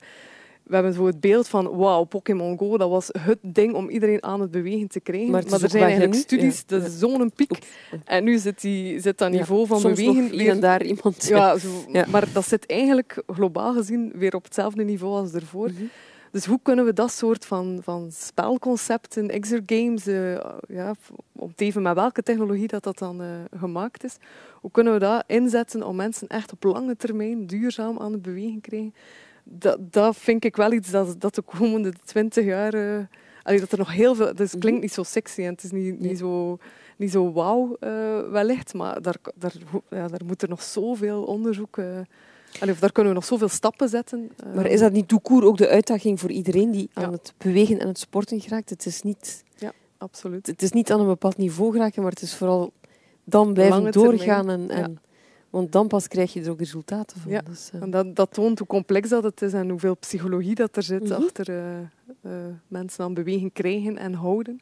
En daar hopen wij met technologie een steentje toe bij te dragen. Maar als je dan spreekt over binnen twintig jaar, dan zou ik wel het ultieme spel willen gevonden hebben die dat kan. Maar dat, dat is, eh, het zal een combinatie van van alles en nog wat. Net Ja. omdat we met verschillende doelgroepen, verschillende niveaus, mhm. iedereen heeft andere interesses, andere doelen, andere wensen. Ja. Eh, en dat maakt het ook eh, zoiets complex. Maar wel heel boeiend, want het verandert constant. Het is ook heel moeilijk te voorspellen, omdat die technologieën inderdaad, die we binnen 20 jaar gaan gebruiken, op vandaag niet gekend zijn. En Ja. het is ook onmogelijk om die te gaan, of ja, toch vanuit mijn standpunt. Ik herinner me bijvoorbeeld in de opening van de Sport Innovatie Campus was er een discussie over het feit of we al dan niet in ehm, virtual reality ready PC's moesten investeren. Dus waar virtual reality op ging kunnen draaien. Nee, dat was zeker niet nodig, want dat ging niet voor de eerste jaren zijn dat we dat Mhm. voor sport gingen kunnen inzetten. Ja, ik denk anderhalf jaar later of zo was alles VR en moesten we op VR inzetten. Dus hebben al die PC's mogen vervangen. Ehm, dus ja, het gaat vaak zodanig snel en dat we binnen 20 jaar volgens mij echt, ja, Ja, en als er nog zo'n ver crisissen, eh, de- allee, hoe snel dat we nu ook technologisch, laat, eh, ik denk een jaar terug, eh, sommige sectoren Zoom of eh, eh, ja, al eh, heel veel gebouwen zetten, want we hadden een plek tekort en nu ja, Mhm. zit niemand nog in het gebouw, maar gebruikt Ja. iedereen Zoom. Soms gaat Ja. dat dan plots zodanig snel dat we het zelf ook niet, eh, allee, dat we er middenin zitten en het zelf niet goed beseffen. Ehm, De radicaliteit van de, van de situaties dwingt Ja. soms tot iets. Ehm, nog even naar het psychologische, wat je, wat, waar we het, want daar hebben we het eigenlijk nog niet echt over gehad. We hadden het daarnet over het sociale aspect. Dat blijft ook ja, voor kinderen anders dan iemand die pakweg in een revalidatiecentrum elke dag x aantal oefeningen moet afmalen. Ehm, maar ook, ook het competitieve zit daarin. En dan is de vraag, als je gaat spelen, ga je het dan nog hebben over de sport of ga je alleen nog voor de competitie? Het, het, meten, het meten met jezelf kan ook het meten met anderen worden, die je misschien niet kent. Ehm, het evenwicht tussen het hoofd en het, en het, en het lichaam lijkt mij daar toch wel een belangrijke... ehm, Ja, en ook, ja, zeker. Ehm, maar ik denk dat dat weer ook zo individueel eh, verschillend Mhm. is en dat eigenlijk hetzelfde platform door verschillende typen van mensen kan gebruikt Ja. worden. Als ik maar hoe denk kan je dat op maat gaan schalen? Hoe kan je dat, hoe kan je dat Ja, ik denk bijvoorbeeld een, Zwift of, of, een Strava, die hebben zodanig veel elementen dat iedereen daar wel iets in vindt voor zichzelf. Mhm. De ene wordt heel hard aangemoedigd door het feit dat je queen of the king of the mountain kan worden als je de snelste de berg op gefietst hebt. Anderen zijn dat... Ik zelf bijvoorbeeld ben daar totaal niet door... Uh, ik ben daar helemaal niet mee bezig. Maar ik vind het zelf wel heel leuk om, om op tijd van het jaar te zien hoeveel dat ik gelopen heb uh, dat mhm. jaar. En dat houdt Strava heel mooi bij. Um, dus iedereen vindt wel iets in, in dergelijke platformen uh, die hen uh, motiveert om, mm -hmm. het, om het te blijven gebruiken. Dus da daar zijn die platformen wel, wel sterk En de echt goede platformen zetten inderdaad zo, zo echt op beide in. Hè. Waar mhm. dat je zowel bijvoorbeeld die virtual reality game opnieuw, die nu doorontwikkeld wordt, we merken dat die makers echt gaan focussen op enerzijds minigames, waar dat je echt puur die gamification hebt. Dus je gaat roeien, maar je zit niet in een roeiboot. Je gaat bijvoorbeeld uh, in een fabriek zitten waar je een platform moet omhoog trekken. Dus je gaat sporten, maar je zit mhm. echt wel in een game. Terwijl dat je met, diezelfde, um, met datzelfde roeiplatform ook wel echt competitief kunt gaan roeien tegen een tegenstander uh, die ergens anders in zijn living, ja. voilà, of die ergens anders in zijn living zit, uh, te roeien. Of um, dat je samen in een bootje kunt zitten, waarbij dat je echt moet samenwerken om te roeien. En zo kan iedereen wel echt gaan kiezen van wat mhm. hij of zij het leukst vindt of het meest motiverend vindt om te doen. Um, dus we merken wel dat er echt op al die aspecten wordt ingezet. Ja. Een vraag die hier terugkomt, um, hadden het er net ook al even over, denk ik. Word je niet asocialer als we allemaal thuis gaan sporten. Mensen die samen virtueel sporten, gaan die niet meer over het game dan over de gewone dingen van het leven praten. Ja, dat is, zo, dat is een klassieke vraag voor mensen die zelf graag sporten en die, die het klassieke sporten graag doen het is meer dan de beweging, hè? Voorstellen. Maar ehm, als ik zie, zelfs mijn eigen kinderen, en dat, dat heeft zelfs niks met beweging te zien, als die op een, op een iPad spelletjes spelen, die zijn eigenlijk constant aan het praten tegen elkaar. Die spelen hetzelfde spel, die zitten virtueel, zien ze elkaar en ze zitten dan ook nog eens naast elkaar. Nu, dat hoeft niet, maar die zijn constant aan het babbelen en dat is eigenlijk een heel sociaal gegeven. Terwijl ik op voorhand altijd denk, ah, die zit nu een spelletje op die iPad zo individueel, maar eigenlijk is het net heel, heel sociaal. Dat is gewoon een andere manier van mhm. opgroeien. Hè, van, ja, het is anders dan dat wij opgegroeid zijn. En uh, je bereikt daar net die doelgroep mee. Die, die, ik denk dat het vaak even sociaal is.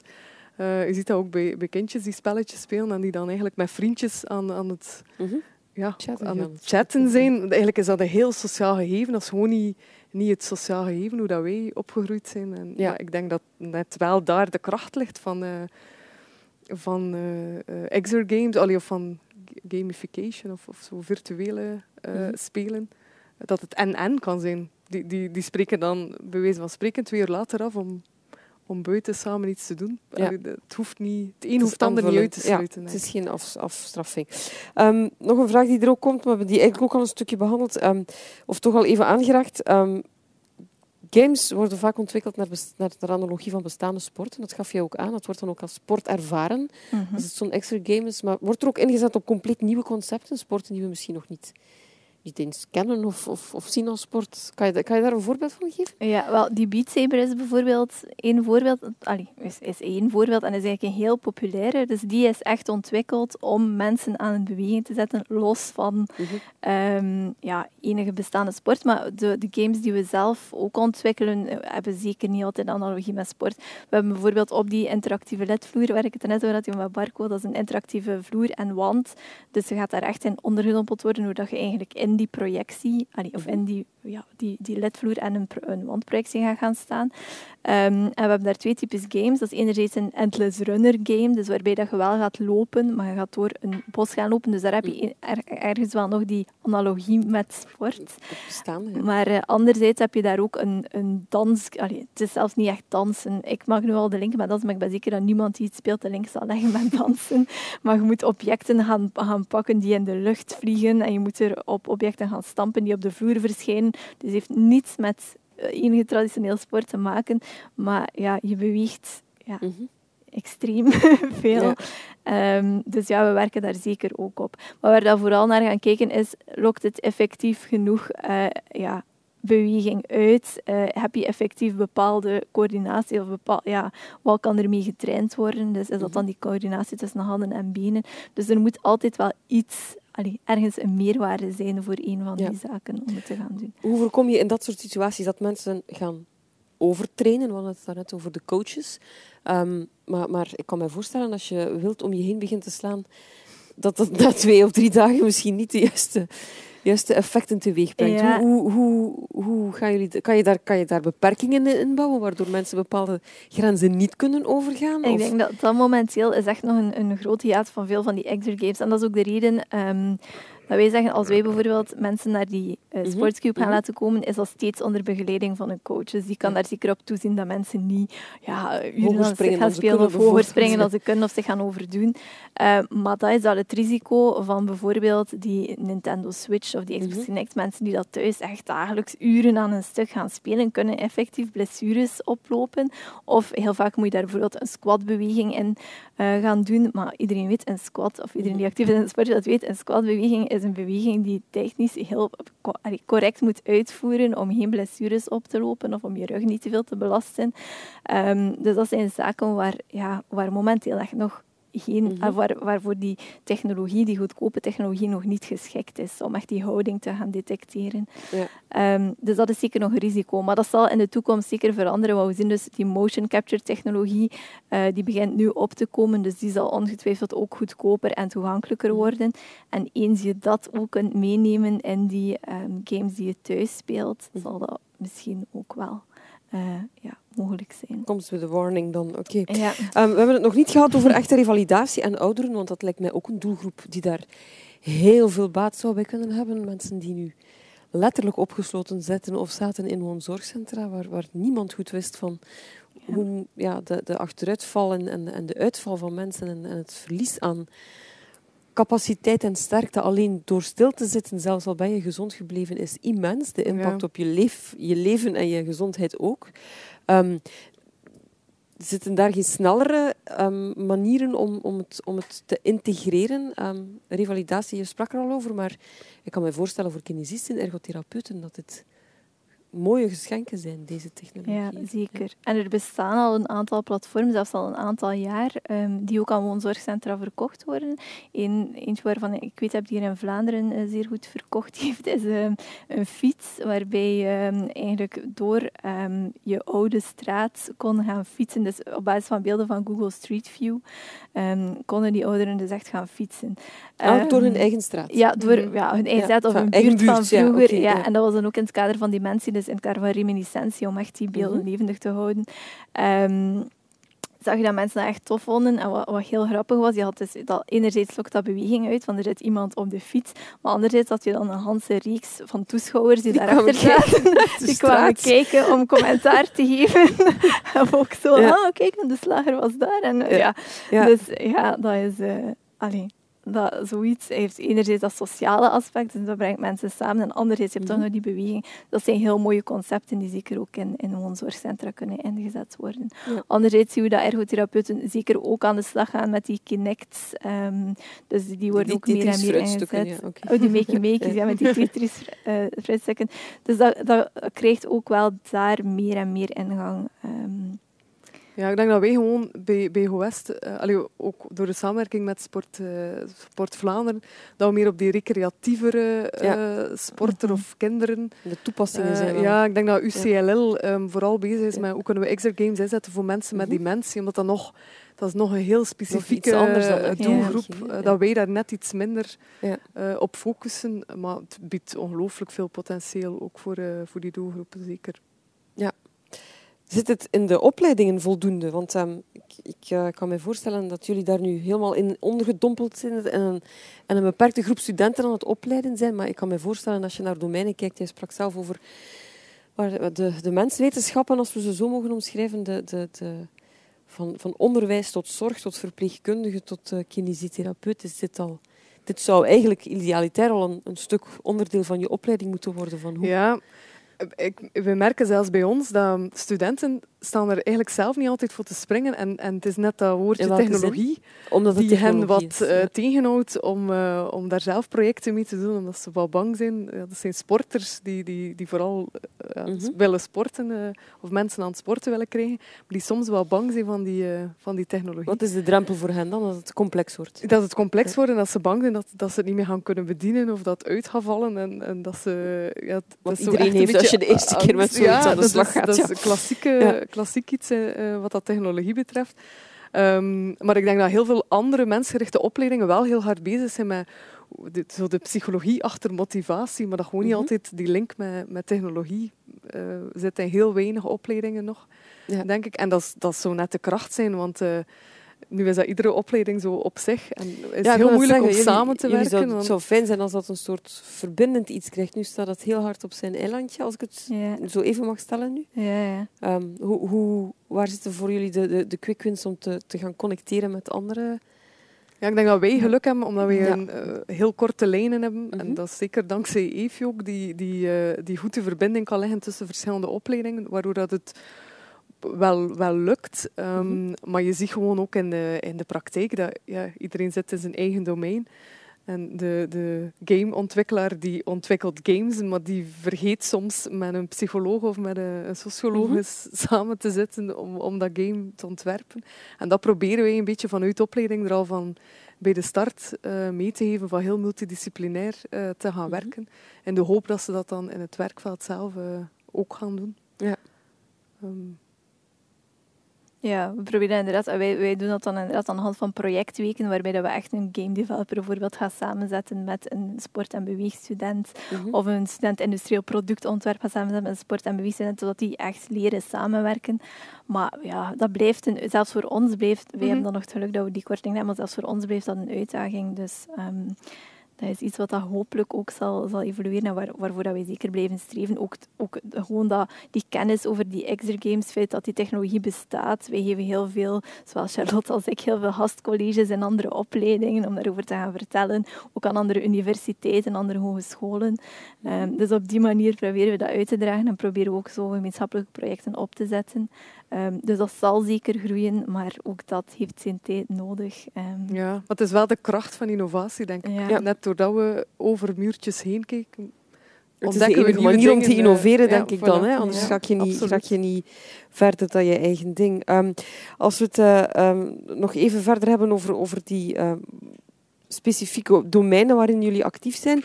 Ehm, als je zelf nu iets zou mogen ontwikkelen morgen waarvan je denkt, kijk, ik krijg hier carte blanche. Wat zou dat dan zijn? Wat zou het eerste zijn wat eraan komt? Uit jouw koker, Eefje. Wat, eh, amai, wat wordt er bedacht? wat is volgens jou het ideale exergame? Wat zou dat mogen zijn? Goh, ik vind dat super moeilijk, omdat ik altijd aan bestaande dingen denk of aan Ja. technologieën waar we nu mee bezig zijn. Ik denk Ehm, bijvoorbeeld iets, maar het is niet heel concreet, maar zoiets voor doelgroepen, bijvoorbeeld G-sport of, of mensen in een Ja. rolstoel, zo voor een doelgroep die, die snel, ik kan niet zeggen vergeten wordt, maar die nooit als, als eerste ge- ge- Mhm. ja, gezien wordt, zodat we, dat we daar zoiets voor, voor kunnen. Maar dat is nu niet zo... eh, Maar het is misschien wel Maar- een, een groep die snel... snel eh, ja, ik denk dat we daar nog heel veel... allee, dat er, en, en dat is vaak ook omdat als, als die dingen ontwikkeld worden door commerciële eh, partijen, ja, die willen Mhm. natuurlijk een grote afzetmarkt en een brede. Ja. En dan Mhm. net die kleine niches worden dan vaak, ik kan niet zeggen vergeten, maar dat is gewoon commercieel niet zo interessant. interessant, Mochten we zoiets kunnen ontwikkelen, dat ja, heel Ja. breed verspreid kan worden en niet veel geld kost. En dat echt ook heel specifieke niches of heel Mhm. specifieke doelgroepen eh, Ja. aan beweging krijgt. Ik denk dat we ook als we vertrekken vanuit de huidige beperkingen, dan zien we dat, dat één huidige beperking, iedereen doordat de technologie nog zo duur is, anders, ja, eigenlijk vooral dat, dat, dat dat inderdaad heel vaak singleplayer is of multiplayer over het internet heen of met Mhm. maximum vier spelers. Maar wat dat voor mij nog altijd een ideaal scenario is, is dat je een perfecte teamgame kunt gaan creëren die gebruik maakt van die technologie en van die principes van gamification. Ehm, en je hebt daar wel in Japan heb je daar zo'n aantal voorbeelden van. Hado is één voorbeeld. Dat is een augmented reality game waarbij alle spelers een bril op hebben en in twee teams tegen elkaar spelen. En met een virtuele bal naar elkaar gooien. En dan zit iedereen in het publiek ook met zo'n bril op. Dus Ja, daar zijn al Hollandse competities van, Ja, zelfs met voilà. toeschouwers. Dus Ja, maar zoiets. zoiets. moesten we zoiets hier in Vlaanderen ook kunnen, kunnen krijgen of, of daar, daar iets nieuws rond bedenken. Dat, dat is voor mij wel een beetje een ideaal scenario. Een ja, zeker. En zeker als je nog eens generaties zou kunnen combineren, dan, Ja. dat lijkt me ook wel iets moois. Dat je als kleinkind met je grootvader in hetzelfde spel, eh, elk op zijn niveau en, en gepersonaliseerd kan, eh, kan spelen. Dat, dat, ja, dat zou mooi zijn. Iedereen een avatar. Ja, zoiets. Spelen we binnenkort allemaal extra games in onze huiskamer? Nee. nee, maar opnieuw, ik denk dat dat ook niet, niet nodig is. Ehm, ik denk dat we bepaalde, zo inderdaad die bepaalde consoles die laagdrempelig zullen worden. Nu zien we het ook al met die Oculus Quest. Dat is zo een, een ja, betaalbare VR-bril die iedereen, een mobiele VR-bril ook, die iedereen kan gebruiken. Eh, dus die zaken zullen ongetwijfeld wel eh, meer en meer toegang krijgen tot die huiskamers. Maar ik vind het echt perfect oké ehm, dat je voor die meer geavanceerde eh extra games nog steeds op locatie moet gaan. Dat je dat onder begeleiding van een coach doet, dat je dat in grote groepen doet met een soort rotatiesysteem. En ik denk dat dat nog, nog eventjes zo zal blijven. Dus dat we zeker niet allemaal thuis in onze huiskamer mee aan de slag moeten. De sportclub van de toekomst bestaat uit hoogtechnologische Ja, dat wordt soms gezegd, maar ik, ik, ja, voor mij hoeft dat inderdaad ook. Ik, ik, ik vind dat technologie mag geen doel zijn. Het is gewoon een middel om het leuker te maken, om het te personaliseren, om er meer feedback eh, uit te krijgen. En dan, dan is het nuttig. Maar puur technologie gebruiken omwille van de technologie, denk ik dat niemand van ons voorstander van is. Ehm, dus ook in die sportclub Ja. van de toekomst, als het bijdraagt tot het einddoel, zeker gebruiken. Maar als het maar is om, om, Om het te hip doen, te willen doen, dan, Nee. dan gaat dat toch geen eh, heel lange termijn Nee. eh, gebruikt worden. Dus dan, dat hoeft zeker niet. Kan je het buiten toepassen? Je hebt heel veel indoor sport, maar ik kan me voorstellen outdoor dat het misschien nog wel andere... Ja. Er zijn bepaalde, ja, we hebben het nu heel vaak zo over die VR en die AR Ja, en die ja. projecties gehad. Er zijn natuurlijk ook heel veel andere eh extra games die, die veel eenvoudiger zijn. Bijvoorbeeld interactieve LED-drukknoppen. Ik zeg maar iets, Mhm. dat zijn lichtjes die je bijvoorbeeld overal kunt aan bevestigen en die je dan zo snel mogelijk moet gaan uittikken. Mhm. Eh, of met een soort Simon Says variant waarbij je een bepaalde sequentie moet herhalen en die sequentie zo lang mogelijk onthouden. Ehm, dat zijn zaken die perfect buiten kunnen of eh, waar we zeker ook mee, mee werken. Ehm, maar het is wel een feit, als we het hebben over die VR en die AR en die projectie, ja, dat dat heel vaak in donkere ruimtes moet gebeuren. Ja. We zijn daar zelf ook mee geconfronteerd. Onze Sport Innovatiecampus is een prachtige hal met, Heel veel licht. met heel veel licht en heel veel ramen. Ehm, en nu hebben we moeten ja, beslissen om die Sportscube for Active Gaming eigenlijk in een andere ruimte, om die, die extra games eigenlijk permanent in een andere ruimte onder waar te brengen waar het donker is, die compleet verduisterd kan worden. Ehm, dus dat is zeker nog een beperking. Maar er zijn dus wel varianten om buiten te spelen. Maar niet die met projectie en... Nee, maar ik denk, ik denk wel heel veel rond apps en, en dat, in die sector dat Ja. er wel heel veel buiten. eh, je Mhm. hebt zo spelletjes die, waarin dat je door monsters achtervolgd wordt om, eh, om ja, leukere looproutes te gaan, eh, gaan doen, dat soort dingen. Ja. kunnen zeker wel buiten. Maar dat is gewoon niet zo dat... Ja, dat is niet extra game... Mhm. allee, hoe, hoe, hoe, hoe dat we het daarnet... eh, eh, Het is een andere hadden. invulling van het, van ja, het het is, het concept. is gamification, maar Ja. het, is, het is daarom geen groot... eh, Nee. of, of die, die interactieve zoektochten of, of dat soort dingen, dat Mhm. kan allemaal buiten. En Ja. Maakt het alleen maar nog leuker om te doen. Dus er zijn ongelooflijk veel mogelijkheden. Mhm. Er is nog een vraag binnengekomen die ook aansluit bij wat we, wat we het gehad in het begin van de avond over de fotozoektocht in de jaren 80, die nu Pokémon Go wordt of iets anders. Ehm, er is ehm, iemand die laat weten, ehm, twintig jaar geleden afgestudeerd of een afstudeerproject als student architectuur, waarbij er werd nagedacht om gebouwen te ontwerpen die aanzetten tot meer beweging. Lees veel trappen. Overmatig veel trappen wordt geschreven. Hellingsbanen in het gebouw, was ook wel waar inderdaad. Hè. Conceptueel, maar ook toen beperkt realistisch. De vraag is, hoe kunnen we onze gewone omgeving, ik weet dat dat ook jullie, bij jullie ook eh, rondgewerkt wordt, hè, rond de, Ja. de, de stad als, als bewegingsplek. Ja, Ehm, zeker. eh, hoe, hoe kunnen we onze eigen leefwereld, onze eigen omgeving, ons eigen huis, onze eigen werkomgeving zo gaan aanpassen zonder dat het een gimmick wordt, maar waarbij dat soort zaken wel geïntegreerd worden? Ja, we zitten nog in een volledige nudging-debat, Mhm. waar hij zo kleine dingen gaat aanpassen, waardoor Ja. hij ja, genudged wordt, een duwtje Ja. heeft in de, in de juiste richting. Eh, maar ik denk dat we ook in de Sport Innovatie Campus, eh, Hans, eh, rond active design en, en eigenlijk eh, ja, hoe dat inderdaad gebouw zodanig kan Ja. gemaakt worden in grote en in kleine oplossingen. Daar zijn jullie ook mee bezig? Daar zijn we heel hard mee bezig. Um, maar het zit soms ook in kleine dingen. Een collega die heel hard gepleit had om buitenwerkplekken te voorzien. Mhm. En dan is de eerste vraag, ah ja, tof, maar er is geen wifi dan heb je een buitenwerkplek, maar niemand werkt er, want er is geen wifi. Allee, dus is dat ook allemaal in orde, maar soms zit het ook gewoon in kleine uh, dingen en in wat creatief zijn. Mm -hmm. uh, Het hoeft niet allemaal hoogtechnologisch te zijn op dat vlak. Nee, maar zelfs met technologie... Allee, dat is nu toevallig ook onze derde pijler. Dus een Extricate Digital Coaching met Active Design. En de Active Design gaat dan ook daarover van hoe kun je uw omgeving mm -hmm. zodanig gaan designen dat die aanzet tot beweging. En daar zit dus ook een heel leuke technologie in. En daar gaan we bijvoorbeeld ook wel gaan kijken van hoe kun je trappen zodanig gaan aankleden met bijvoorbeeld ledstrips waar spelletjes uh, op verschijnen. Um, daar, daar, zijn studenten nu zelfs mee bezig om daarop te werken. We hebben bijvoorbeeld zo een, op het domein van Sportvaden is een grote trap aan de atletiekpiste, maar die wordt mhm. eigenlijk amper gebruikt. Is dat iets waar dat, um, dat als opwarmingsoefening voor mensen die staan te wachten op een trainer op de atletiekpiste mm met een spelletje kan uh, kan aantrekkelijker gemaakt worden. Dus dat zijn ook, ook dingen waar we, waar we rond werken. Mhm. Hetzelfde voor een betonnen pleintje. Dat is nu een gewoon betonnen pleintje. Kunnen we mensen aanzetten om te bewegen op dat betonnen pleintje door daar bijvoorbeeld een digitale vorm van twister te gaan projecteren of te gaan, mm te gaan Dus dat zijn alweer ja, zaken waarbij we wel die technologie gaan Fonteinen werken altijd fantastisch. Fonteinen, ja, water. Water is, uh, je hebt kletsnatte kinderen, maar ze gaan ja. wel ze gaan springen natuurlijk. Dat is, dat is een feit.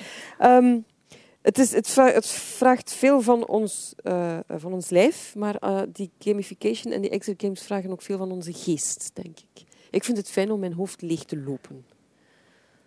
Hoe overprikkeld raakt een mens door te exergamen? Ja, ja, dat is een goede, goede vraag. Er is daar niet zo'n eenduidig antwoord op. Ik heb momenten dat, dat ik graag overprikkeld word en ik heb andere momenten dat ik alle technologie thuis laat en, en gewoon zo ga lopen. Ik denk dat er veel mensen zo zijn. Dus nogmaals, technologie moet een mhm. middel zijn om, om maar, uh, maar, ja, het klopt. Er, ja, er is een overaanbod aan, aan prikkels uh, momenteel. Um, dus de, ja. Dat is, een, dat is een, ja, een heel terechte vraag. Maar als wij die prikkel kunnen bieden, als dat dan een van de prikkels is en mensen bewegen daardoor, dan ben ik liever die prikkel dan de Netflix-prikkel die, zorgt die mensen in de zetel houdt. Dus ik, ik denk dat dat ons doel altijd is om net te prikkelen, maar om ze ook in gang uh, te mhm. krijgen of in beweging Want het is belangrijk hè, dat we gaan bewegen. Uh, misschien ter afsluiting, we gaan het niet hebben over het aantal stappen die we moeten zetten. maar um, ja, we doen het niet goed, hè. Zelfs al denk je van, ik ben een actieve, gezonde persoon, als je het dan eigenlijk bekijkt. Nee, zelfs ons team, die eigenlijk een zeer actief team is. Ik denk als we het zouden moeten meten, hoeveel we stilzitten en hoe, hoe weinig dat we eigenlijk doorheen de dag bewegen. En we sporten allemaal heel veel, maar dat is nog iets anders dan doorheen de dag veel sporten bewegen. Sporten en bewegen is iets anders. Hè? is iets anders. En, en daar, allee, daar denk ik kunnen heel veel mensen nog uh, heel veel stappen zetten, maar veel mensen zijn zich er niet eens van bewust dat ze mhm. eigenlijk zoveel zetten en zo weinig stappen zetten. Wat doet het met ons lichaam als we te weinig bewegen? Kunnen we dat zeggen?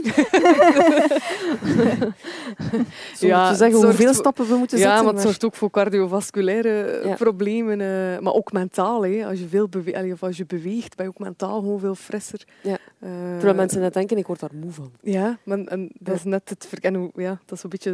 Het houdt zichzelf in stand. Hè. Uh, dus ja, zeer belangrijk dat we met z'n allen vooral meer bewegen, denk ik. Ja. Wat, hebben jullie tips voor mensen die nu heel veel thuis zitten te werken? Wat zijn de, wat zijn de ideale dingen om te doen? Ja, zo de, de typische zaken, wat, wat, ik zelf ook doe, is ook soms is als rechtstaan, al, al rechtstaand werken een soort standing desk voorzien. Mhm.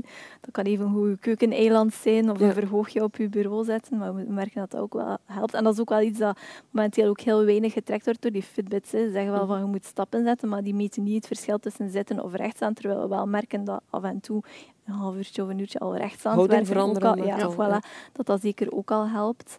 Um, een hond kopen. zeker ook een huisdier adopteren. Een huisdier adopteren. Ja.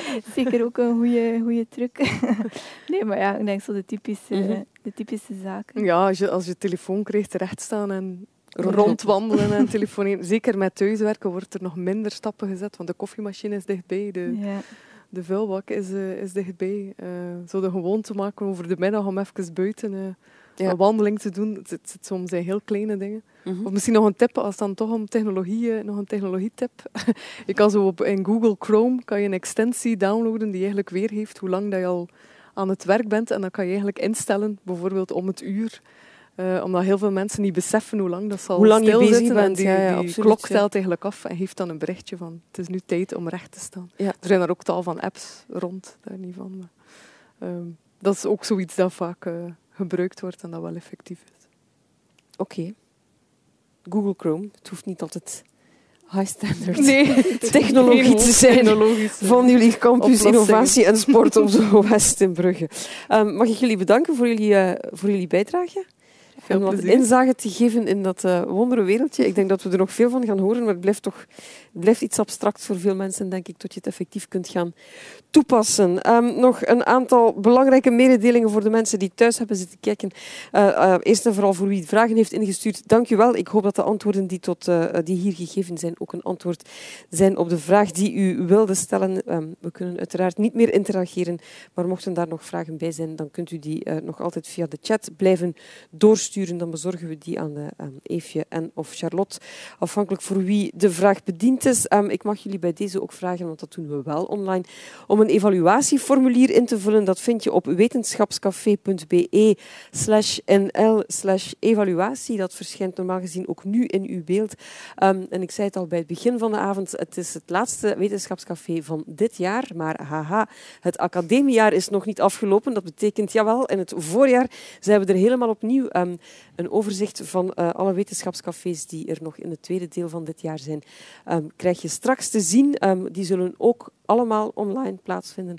Uh, we kunnen op dit moment niet inschatten wanneer we weer op café kunnen, dus ook niet wanneer we weer een wetenschapscafé kunnen en mogen houden. Vandaar de beslissing om uh, ook de andere geplande cafés online te verlaten lopen. Um, tot uh, slot nog dit, als je deze editie wil herbeluisteren of wil delen met iemand die hem vanavond heeft gemist en waarvan je denkt toch goed dat die persoon dit ook hoort of kan zien, dan kan dit uh, allemaal.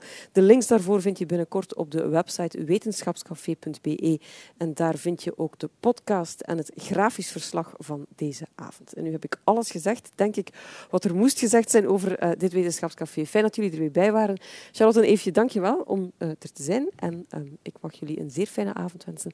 Een zeer warm en gelukkig nieuwjaar. En uh, tot ergens volgend jaar, zou ik zeggen. Dag. Dag.